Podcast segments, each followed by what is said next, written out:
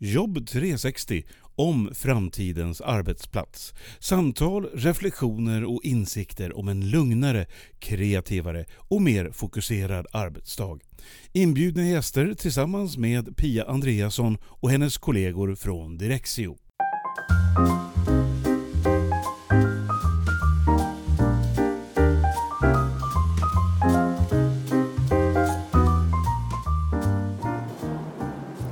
Nu är jag på väg för att träffa Tord Nossborn. Han jobbar på Affärskraft och han är riktigt kunnig när det gäller hjärnan och vad hjärnan behöver för att det ska funka bra på arbetsplatsen. Så det ska bli väldigt intressant att höra vad han har att berätta.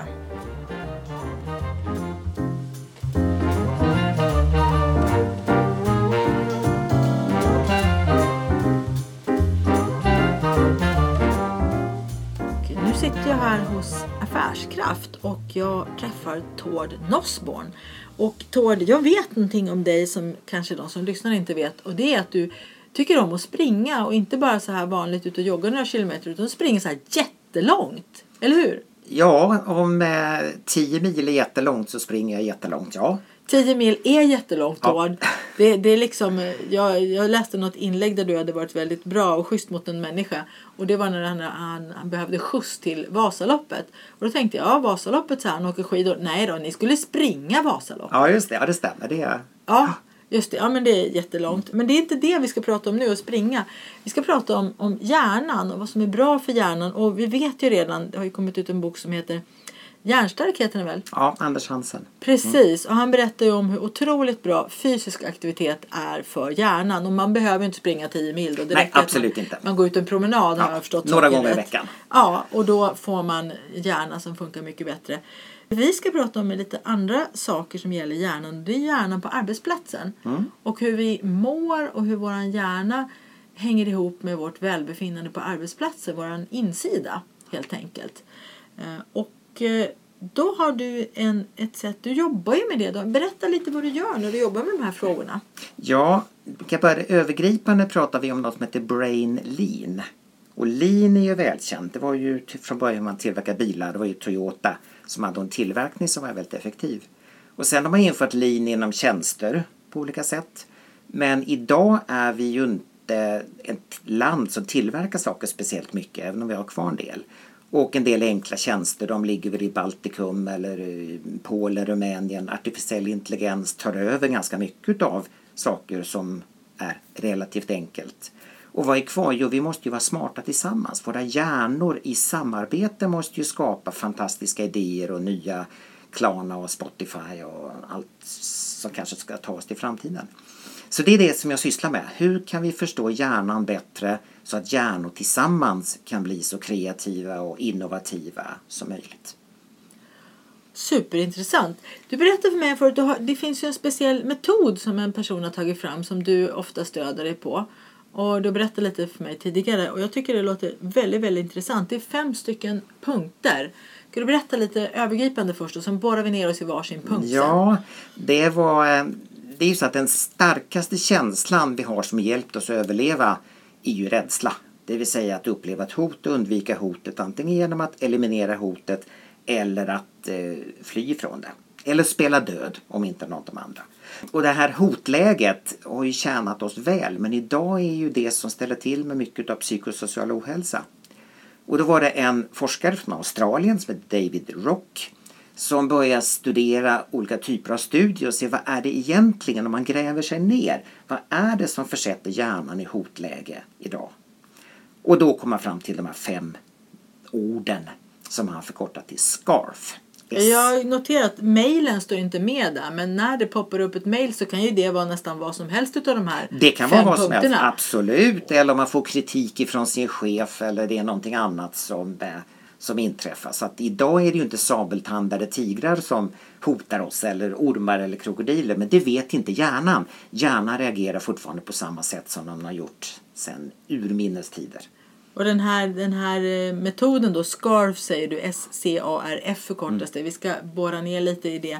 Men det här brukar jag faktiskt också ta upp när jag utbildar att när det kommer ett mejl så kan ju det som sagt vara ett hot. Det kan ju också vara en möjlighet. Det kan ju vara lite kul. Det, kommer ju, det, kommer, det pratar vi inte så mycket om idag men möjlighetsrelaterat. Men, men när man har den här aviseringen på att kuvertet poppar upp där längst nere så är ju det ett potentiellt hot och det är därför det är så dåligt för hjärnan att ha de här aviseringarna på, eller hur? Ja absolut och det, vi var ju vana, vi levde ju ute i naturen och gick runt på savannen och en liten, liten annorlunda skugga i en buske kunde vara en farlig orm. Så den lilla, lilla, lilla röda pricken på det här mejlet den är ju som då en skugga som kan vara en orm. Mm. Sen ser vi, konstaterar vi efter en halv sekund eller en sekund att nej, det är bara ett mejl. Men då är hjärnan är uppmärksam på det. Så allting som ändrar mönstret runt omkring oss reagerar vi väldigt snabbt på. Det har varit en överlevnad för oss. Men idag blir vi stressade av det. Det är för mycket helt enkelt som ja. händer. Jag brukar berätta det att vi har en hjärna som är 40 000 år gammal och den får vi ju leva med. Så nu ska vi försöka hantera den så bra som möjligt. Så då ska du få berätta lite grann om de här, de här eh, fem bokstäverna. Då. Första S, vad står den för? S står för status och vi är ju flockdjur och vi är väldigt, väldigt beroende av att veta var någonstans i rangordningen i flocken befinner jag mig. För en stabil flock, där vet jag min rangordning. Jag behöver inte vara flockledare, men jag behöver känna en trygghet i att här är jag i flocken. Och jag är omgiven av människor som vet var jag är någonstans. Och jag utmanar inte de som stöver. Men jag förväntar mig att de som står under behandlar mig så som man ska behandla mig om jag står lite över. Och det här vet Första gången jag blev väldigt medveten om det, det var min brors dotter som då när hon började sexan stolt förkunnade att nu är jag den tredje populäraste flickan i klassen. Jag var ett fjärde ända sedan jag gick i ettan men nu är jag tredje populärast. Hon hade järnkoll på rangordningen bland flickorna. Och så är det liksom i grupper. Vi, vi vet någonstans en rangordning. Ja, Sen kan det vara olika, om... olika flockar naturligtvis. Men... Eh. Vaktparaden eh, ridande när de går, hästarna, mm. då måste de ha dem i en viss ordning. Ja. Det går absolut inte Nej. att ändra på det för Nej. då brakar hela alltihopa ihop. Så mm. när man ser den här fina vaktparaden, mm. Eh, ridande vaktparaden så, så vet man det att hästarna går alltid i samma ordning. För ja. då funkar det klockrent. Ja, ja, så är, är vi likadana vi människor? Vi är likadana, ja precis. Du sa att hjärnan var 40 000 år och det är liksom den absolut senaste uppgraderingen i 40 000 år när vi pratar om hotläget, vad som triggar igång det, då är det en liten rackare som heter amygdala och den är 500 miljoner år gammal. Ja, då kan man förstå att vi har lite problem med den då, att det gäller ja. att ta, ta extra väl hand om ja. den gamla rariteten. Mm. Ja. Så eh, det här med att stänga av aviseringarna i mejlen är ett bra första inslag det, i min Det är bra första inslag, precis. det är alltid det jag börjar ja. med. Eh, så. Eh, och hur, om man ser på de här nya kontorsmiljöerna då, då när, när det inte blir lika självklart längre vem som har status och vem som har hörnrummet och störst skrivbord och så vidare. Hur kan man hjälpa människor att bli trygga i flocken då? Ja, till att börja med kanske att man vågar prata om det. För det, är ju, det kan ju kännas lite känsligt att om jag tycker att jag är en viktig person, jag hade ett ganska bra kontor, bra läge, nära ledningen och så plötsligt är det ett, någon slags öppet landskap eller aktivitetsbaserat och jag får sätta mig där jag får plats. Och eftersom jag är gammal i gården så kommer jag in klockan nio och då är alla platserna nästan upptagna. Jag får sätta mig mitt i lägst status bland då skrivborden kanske. Och det kan då upplevas väldigt stressande. Helt enkelt att jag sjunker i status. Och det vet man att sjunka i status, det är stressande. Det är samma reaktion ser man i hjärnan som att bli utstött ur flocken. Vilket är en väldigt, väldigt kraftig reaktion. Mm. Så man så kan att, eh, tänka att chefer då när det sker kontorsförändringar att man måste verkligen bekräfta vars ens värde. Absolut och att man är ännu mer tydlig att, att betona hur viktiga alla är i gruppen. Google är ju ett företag som är beroende av kreativa team. Och man gjorde ett projekt, det var nu drygt säg, fem år sedan man började, som hette projekt Aristoteles. Och då undrar man varför är vissa team mer effektiva än andra? Varför levererar de bättre? Och då hade man 180 team över hela världen. Man testade 250 variabler. Det var storlek, etnicitet, eh, utbildning, en massa saker. Och till slut fick man fram den absolut viktigaste. Och det kallar man psykologisk trygghet. Alla respekterar varandra, man brydde sig om varandra, man lyssnade på varandra. Allas åsikter var lika mycket värda, man fördelade sig tiden och platsen i teamet lika och man fanns inga dumma frågor, fanns inga rädslor, det fanns inga hot. Så vi kommer att prata om hotläget. Ja, I de här teamen så fanns det inga hot. Du upplevde hela tiden en hotfri miljö. Och det var då grunden för psykologisk trygghet. Och det finns mycket forskning kring, kring det här nu. Kring betydelsen av team med psykologisk trygghet. Mm, så det är en viktig chefsfråga i framtiden då i, på Absolut, alla ja, ställen. Kanske ja. inte bara i de här nya kontorsmiljöerna utan överhuvudtaget. Nu. Ja. För nu när det finns den här forskningen, vi är medvetna om det, så behöver man ju ta det till sig också. Mm. Ja, absolut. Och kanske bara en sån enkel sak som att man har, har sin grupp och så får man vad är Kalle idag? Han är hos tandläkaren. Jaha. Och så kommer Kalle tillbaka och så frågar chefen hur gick det hos tandläkaren? Bara de små sakerna kan ju betyda jättemycket. Ja. Att man är viktig och, och, och sedd och så. Ja. Och att man då, det är ju inte alltid som man alltid är lika viktig men om det, mitt ord är alltid viktigt, det är alltid viktigt att jag säger min åsikt. Sen kanske den här gången använder man inte. Så jobbar ju Pixar till exempel, jobbar ju väldigt mycket enligt det här.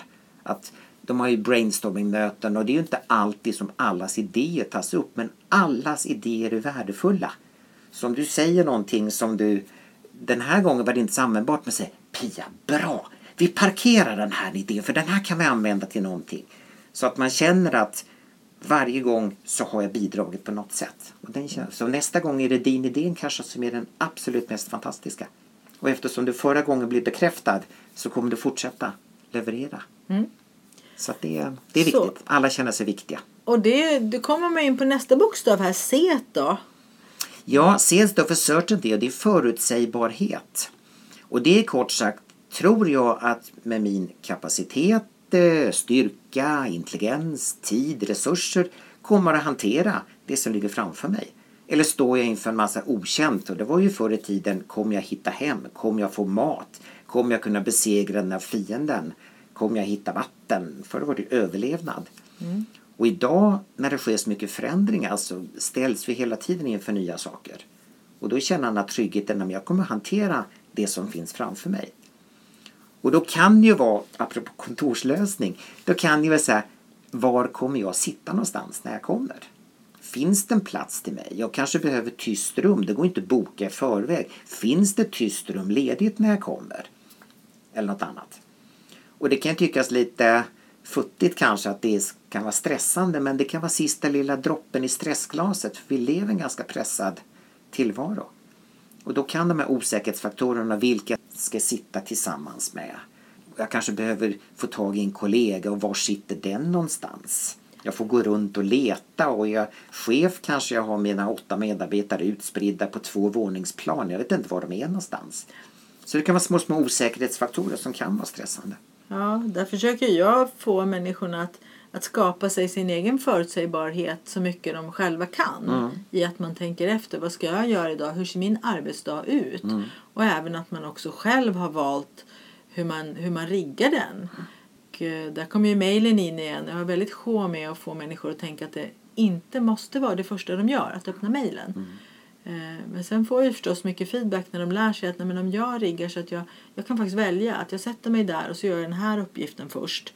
Eh, Och sen när jag har gjort det och jobbat kanske hårt med hjärnan ett tag då behöver den lite luft och lite paus och så. På tal om att ta hand om hjärnan. Ja. Och då kan jag sätta mig vid någon annat sammanhang och kanske titta igenom mejlen. För det är lite mer rörig sak för mitt huvud och då, kan jag, då trivs jag bättre på en annan plats. Och sen också att man är, är tydlig för att om man har den där förutsägbarheten i kalendern. Om jag behöver prata med dig Tord. Då spelar det inte så stor roll var du sitter. Jag kan ju ändå inte gå i det här nya kontoret och hitta dig i ditt rum. Utan jag får ju titta i din kalender. Vad gör du? Ja, det visar sig att du är i huset i alla fall idag. Det är ju vackert så. Sen får vi se var sitter du någonstans. Och det finns det ju också sätt att tala om för. Jag vet att Skanska till exempel har ett stort kontor och de eh, kan ange då på, på sin Skype att jag sitter i andra våningen östra hörnet. Och så behöver jag ha tag på min kollega så kan jag gå dit och spana lite. Och det, det räcker ganska långt för dem. På tal om förutsägbarhet då, att jag vet inte var personerna sitter men jag vet att vi har skapat ett sätt där vi faktiskt kan hitta varandra. Ett annat sätt det här med förutsägbarhet det är ju att kanske bryta ner saker till mindre beståndsdelar. Därför att om jag ställs inför en ganska stor arbetsuppgift då kan det te sig liksom "Åh, hur ska jag klara av det här? Men om man bryter ner Ja, var det ska till- jag ens börja? Eller? Var ska jag börja? Men om man Ja. bryter ner det i små, små bitar. Och det är det som kallas för nudging, att småknuffa som eh, Richard Taylor fick Nobelpriset för 2017. Det vill säga att bryta ner små bryta ner större saker till små, små beteenden, små, små steg. Och då blir det mindre stressande när jag står inför någonting stort som jag kanske inte vet, som du säger, var jag ska börja någonstans. Nummer tre då. Eh, Ett A, vad står ja, det för? det står för autonomy, självständighet. Och det är kort sagt, är det jag som styr vad jag gör, vart jag ska, vad som händer eller är det någon annan? Och känner jag att det är någon annan, jag vet inte vad som kommer att hända, det är någon annan som styr mig, jag blir detaljstyrd, då ökar stressen väldigt mycket. Jämfört med om jag kan få någon slags valfrihet. Och där är det lite dubbelt i de här nya kontorsmiljöerna, eller hur? Ja, därför att om, om det är så att jag kommer in och jag vet att vill jag sitta vid fönstret finns det en plats. Vill jag sitta med några kollegor och prata finns det en plats. Vill jag ha ett eh, telefonmöte, gå in i ett litet rum där man har telefonmöten eller jag kan välja. Då, då är det självständighet, då är det bra. Men om andra har valt, så när jag kommer så finns det bara en enda plats kvar och det är i mitten strax intill pingisbordet. Då är det någon annan som har valt var jag ska sitta. Och då blir jag plötsligt stressad. Men det här har man ju sett på ett helt annat område, till exempel tandläkarskräck. De flesta människor är ju rädda för tandläkare, eller lite grann i alla fall. Det är lite obehagligt. Men de som är riktigt rädda, då har man provat att de får en strömbrytare i handen. Så säger tandläkaren om det gör ont och du vill att jag ska sluta, då trycker du på knappen. Det är du som bestämmer för allting som gör ont hos tandläkaren går ju på elektricitet. Och när jag får en strömbrytare i handen, då är det jag som bestämmer exakt hur mycket tandläkaren får göra. Tror du de trycker ofta på knappen? Nej, inte så särskilt. Nej, inte Då särskilt känner man ofta. att det är jag som Det är bestämmer. jag som bestämmer. Ja. Folk åker ju gladeligen i snöslask ut till Arlanda och känner sig fullständigt trygga på bilen på vägen ut och sätter sig i flygplanet och är jätterädda. Därför att vem har kontrollen? Någon annan har kontrollen. Så att, att ge människor kontroll över sin situation är en väldigt viktig faktor om man vill undvika eh, hög stress. Så det gäller ju att betona den här vad det, vad det finns för ramar helt enkelt. Inom vilka ramar kan jag styra själv? Ja, Eh, Att man är tydlig med det. ja. Och kanske då liksom om jag inte ser nu är det den här kontorslösningen och exakt så här ska det se ut utan du kan välja mellan de här två. Och det kan vara två som finns inom ramarna för det nya men jag känner hela tiden jag kan välja. Så kommer jag förmodligen att må bättre. Ja, det där kallade mina barn när de växte upp för ostmacka skinkmacka pedagogiken. Ja, för den ja. körde jag väldigt mycket. Eh, Jag frågade helt enkelt, vill du ha en ostmacka eller en skinkmacka? Ja. Och det betydde att jag hade bestämt att de skulle äta. För jag förstod som förälder att det behöver de. Men däremot fick de själva välja pålägget. Ja. Det gick ju hem varje gång. Eh, Så nu när de är vuxna då så brukar de ju faktiskt påpeka det. Att jag fintade dem lite där. Jag tyckte inte att jag gjorde det. Jag tyckte att jag gav dem den här bra valfriheten som hjälpte dem. Du jobbade med hjärnan istället för mot hjärnan. Det är liksom eftermiddagen, vill du gå ut med hunden eller, tömma, eller plocka in i diskmaskinen? Nej, jag tar hunden. Ja, precis. Istället för att säga, kan du gå ut med hunden? Varför ska jag göra det? Det gick ju i morse. Precis, den här bra... Och det är ju inte egentligen falskt tycker jag. Nej. Jag tycker liksom att någon måste ju ändå ta ansvaret för både vad som sker i ett hem och vad som sker på en arbetsplats. Ja. Och att göra ramarna tydliga men sen ge också valfrihet inom ramarna. Mm. Det är ju väldigt bra. Ju, ju mer valfrihet som sagt desto Mm. bättre trivs man. Det finns en bokstav till. Nästa bokstav är R. Den står för... Ja, det står för relatedness. Och det är ju, det är ju lite grann samma som status med det i relation. Alltså, är jag omgiven av människor som vill mig väl? Och det är ju evolutionärt så kunde vi ju inte överleva om jag var omgiven av fiender naturligtvis. Så att vi, vi skannar av omgivningen hela tiden. Vi tittar på kroppsspråk, ansikten och så stämmer vi av, finns det någon fiende här? Och det kan räcka till någon rynka panna när du lägger fram ett förslag på ett möte. Eh, någon lutar sig bakåt, lägger armarna i kors och kanske himlar med ögonen eller något sånt här. Och du kommer känna att det här är någon som är fientligt inställd till mig. Och det här är ju oerhört viktigt och det finns ju bra signaler. Bara att le till exempel är en väldigt stark signal. Så ler jag mot en kollega som lägger fram ett förslag, tittar på personen och nickar kanske. Så känner den sig bekräftad, den känner sig trygg att här är en person som kommer att stötta mig i det här. Och omvänt om jag då med annat kroppsspråk så att säga markerat avståndstagande. Och det här med att vi bekräftar varandra, vi har något som heter spegelneuroner i hjärnan. Som handlar om att med personer som vi tycker om eller som vi känner sympati till speglar vi.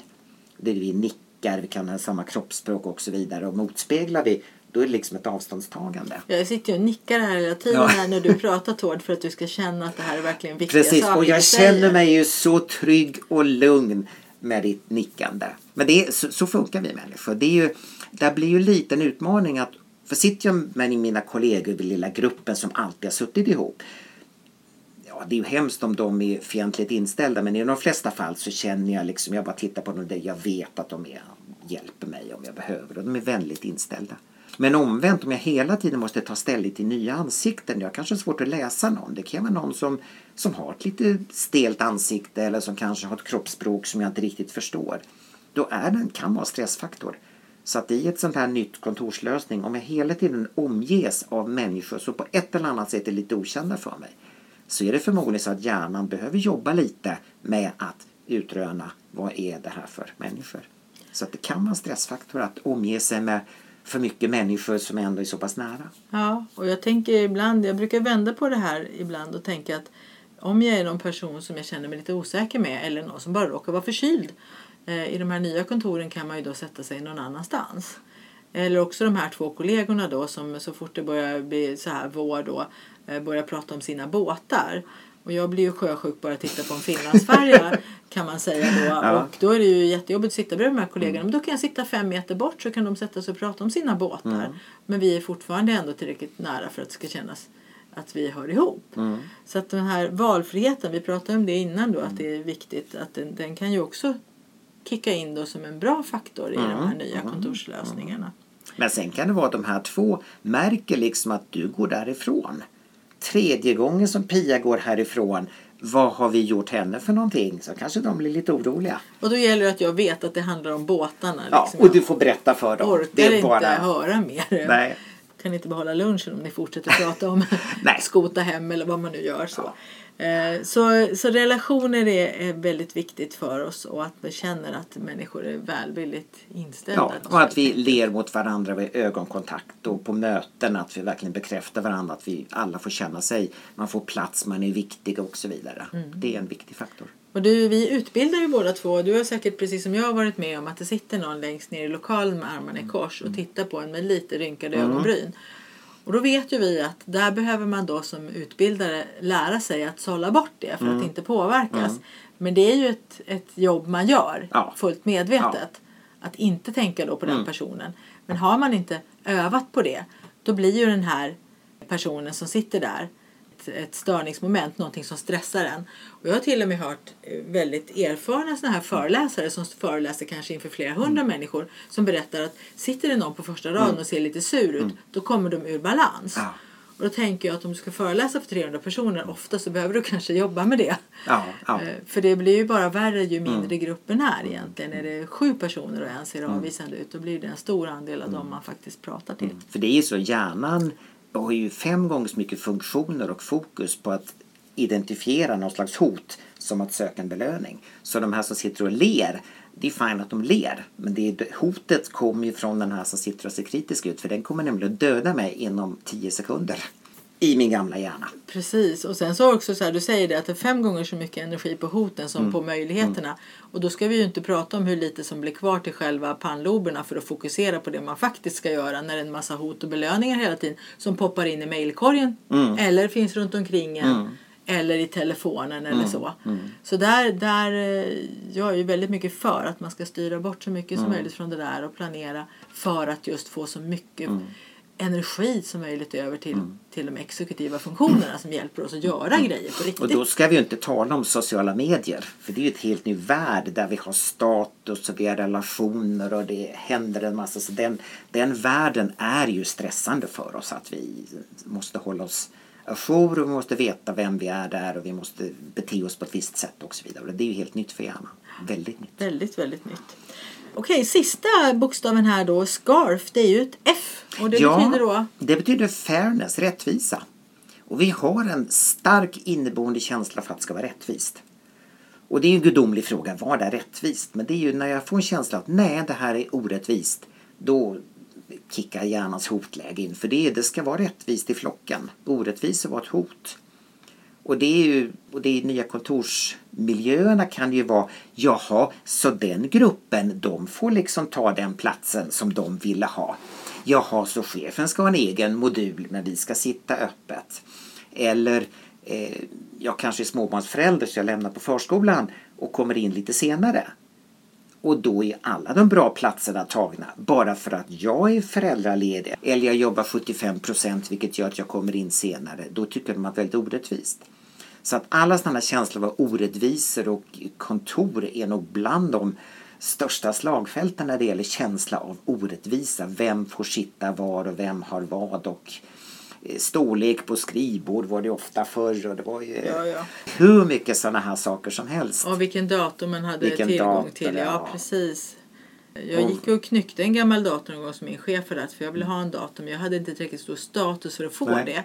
Men när han fick en ny då gick jag och knyckte den och monterade upp den på mitt rum och sen måste någon motivera varför jag inte skulle ha Ja. den.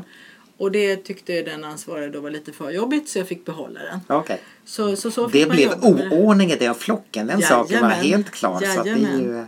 nej, det finns Eh. många exempel på just orätt, känslan av orättvisa när det slår till. Ja, det skulle vara väldigt bra om den kunde komma upp att när man har varit ute och utbildat en grupp att den andra gruppen säger vad orättvist att de fick lära sig det här. Det vill vi också göra. Skulle du inte tycka det? jo, det vore väldigt bra om de sa det här måste ju alla få lära sig. Ja. Precis, det, det är våran dröm som utbildare Mm, att få, få ta in det här i, i hela stora grupper. För visst blir det bättre när man får ta det här i en stor arbetsgrupp och alla får förstå det här tillsammans. Absolut, jag menar har man insikter då kan man ju också lite granna skratta åt det. Man kan liksom behandla det på ett sådant sätt men också att man kan motverka det. För det är ju om man har en arbetsgrupp där alla känner sig viktiga det är förutsägbart. Jag vet att jag kommer hantera de utmaningar som jag har. Jag kan styra mig själv.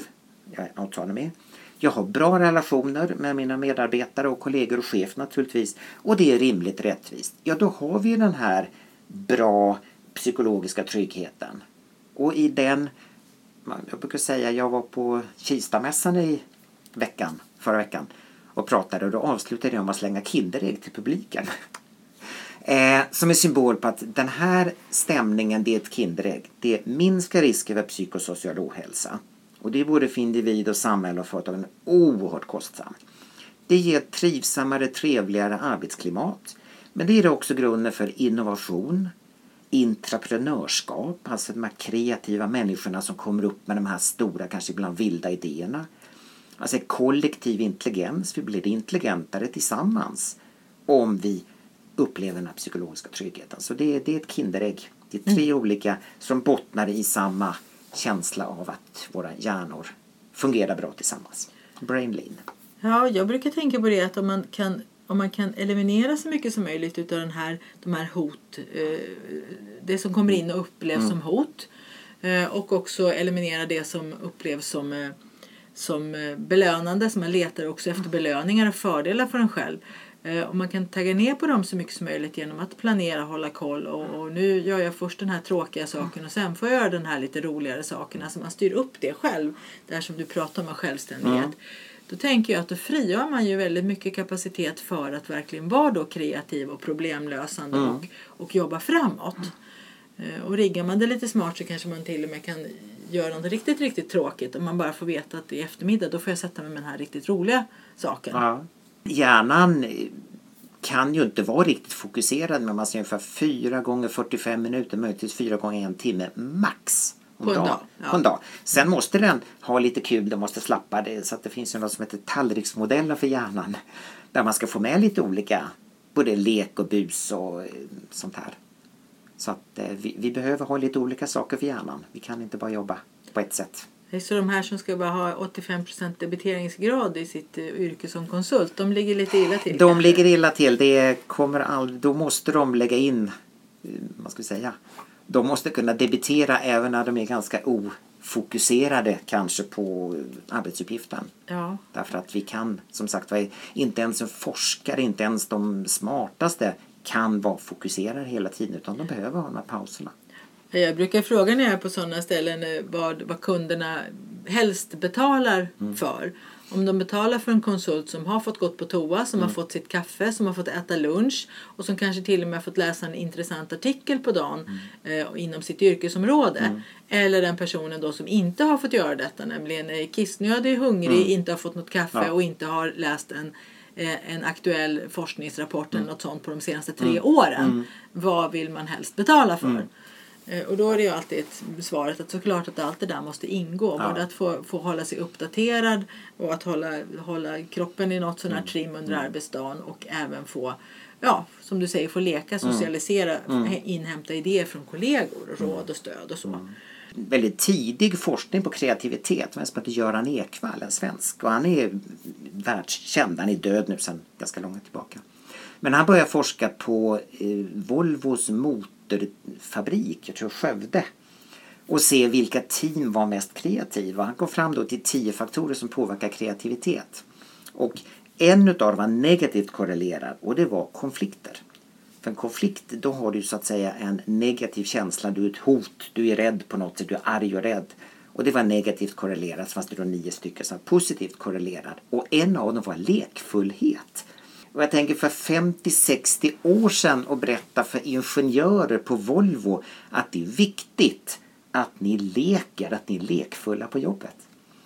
Så att eh, han var tidig men han har inte blivit motsagd utan det är ja, lekfullhet, lite bus, lite skoj.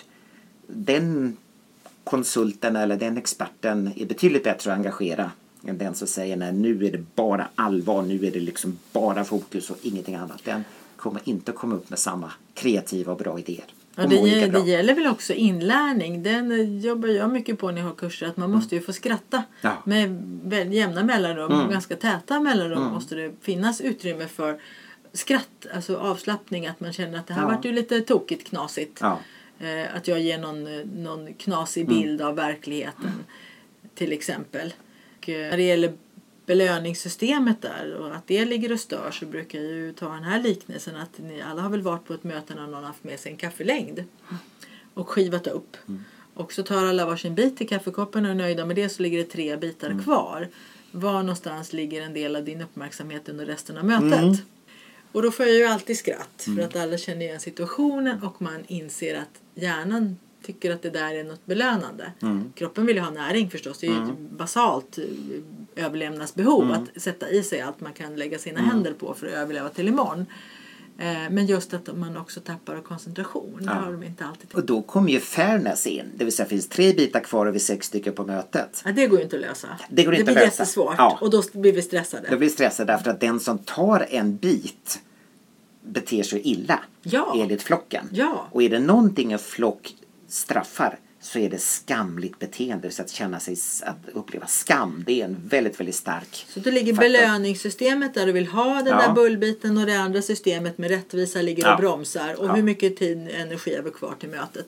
Så det kan ju alla som lyssnar nu lära sig det att eh, har du med en bullängd till ett möte, skiva upp, låt alla ta varsin bit, lägg undan resten. Ja, eller möjligtvis dela upp den i lika många bitar igen så att alla kan få en bit. För då kan man ju välja. För då är det inte skamligt att ta en bit utan då finns Nej det. men Tor, då måste du skära av kantbitarna först annars blir det orättvist ändå, eller hur? Ja just det, kantbitarna är inte lika goda. Precis.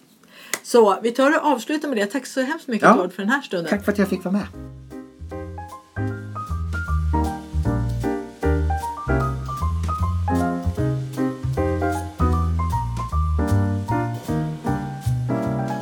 SCARF-metoden, ja där fick jag lära mig väldigt mycket nytt.